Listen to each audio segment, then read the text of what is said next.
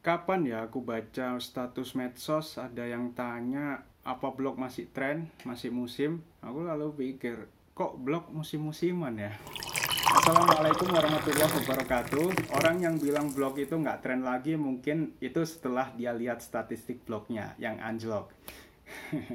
ya nggak apa-apa. Blogku sendiri trafficnya menurun dalam dua tahun belakangan ini. Tapi itu kan nggak bisa dijadikan patokan diambil kesimpulan bahwa orang sudah meninggalkan blog. Traffic anjlok itu ada banyak penyebabnya kan. Misalnya nih, pembaca setia kita udah uh, jarang berkunjung, males baca, males uh, mampir. Kenapa? Bisa jadi karena konten-konten blog kita memang menurun kuantitas maupun kualitasnya atau bisa juga karena mereka sibuk main medsos. Nah, medsos ini yang tren, bukan blog ya.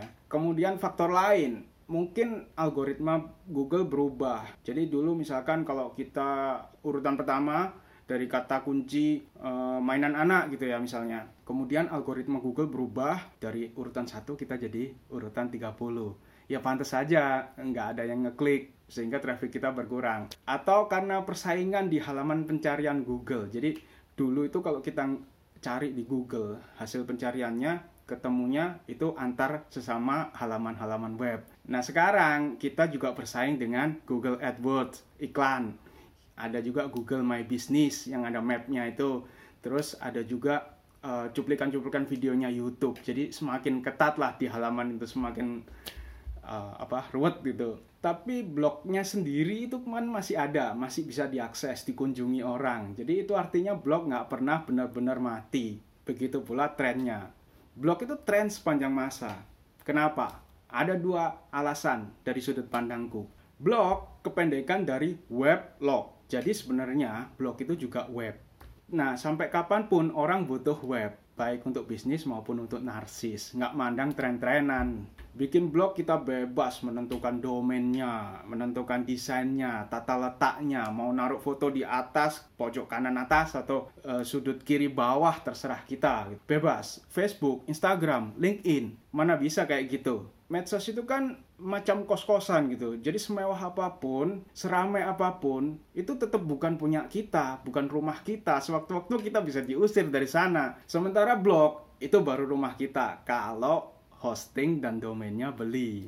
Kalau blog gratisan ya rumahnya katakanlah ngontrak gitulah. Bagaimanapun rumah ngontrak tetap jauh lebih bebas daripada kos-kosan ya kan? Alasan kedua kenapa blog itu e, merupakan tren sepanjang masa karena blog itu bisa menyesuaikan dengan tren. Jadi kalau misalkan sekarang orang itu lebih suka dijelaskan lewat video, ya kita tinggal memperbanyak konten-konten audiovisual di blog kita, tinggal atur uh, tata letaknya tinggal atur galerinya selesai. Begitu juga kalau orang-orang lagi suka dengan podcast, lagi suka dengan infografis atau slide presentasi, ya kita tinggal menyesuaikan aja di blog kita. Penulis novel kayak aku ingin naruh novelku di blogku bab per bab kayak buat Wattpad itu, ya bisa gampang sekali. Atau mau tetap pakai format standar yaitu artikel terus dikasih foto, dikasih gambar itu ya terserah aja, bebas aja apa pun itu, Google tetap akan mengindeks blog kita. Yang artinya selama konten-konten kita bermutu atau minimal bisa menjawab pertanyaan-pertanyaan atau apa yang ingin diketahui oleh orang-orang yang searching, blog kita selamanya akan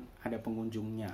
Nggak ada cerita blog kita mati kayak apa Google Plus, kayak Friendster, kayak Pet. Kecuali kalau ya itu tadi, kita lupa bayar hosting dan domainnya. Nah, itulah kenapa aku bilang blog adalah tren sepanjang masa. Faktanya sampai detik ini aku dapat untung dari blog. Aku tuh ngeblog sejak 2002 di Blogspot. Tapi mulai serius ngisi konten dan apa promo-promo gitu mulai uh, eh, 2007. Jadi kalau dihitung-hitung udah belasan tahun aku jadi blogger. Dapat handphone pernah, dapat laptop pernah, dapat dolar pernah sering Waktu itu sering ya. Kemudian jalan-jalan ke Jerman pernah. Jadi tiket Indonesia Jerman, PP, perjalanan darat di Jerman, kemudian uh, hotel, terus makan tiga kali sehari ditanggung semua. Enak kan? Blogger. Sampai hari ini blog yang sama juga terus mengantarkan klien-klien untuk penulisan multimedia buat aku. Begitu bos, kenapa aku bilang blog adalah tren sepanjang masa. Tapi ini pendapatku sih. Punya pendapat lain? tulis di kolom komentar ya kita bisa diskusi sementara Brandito cabut dulu wassalamualaikum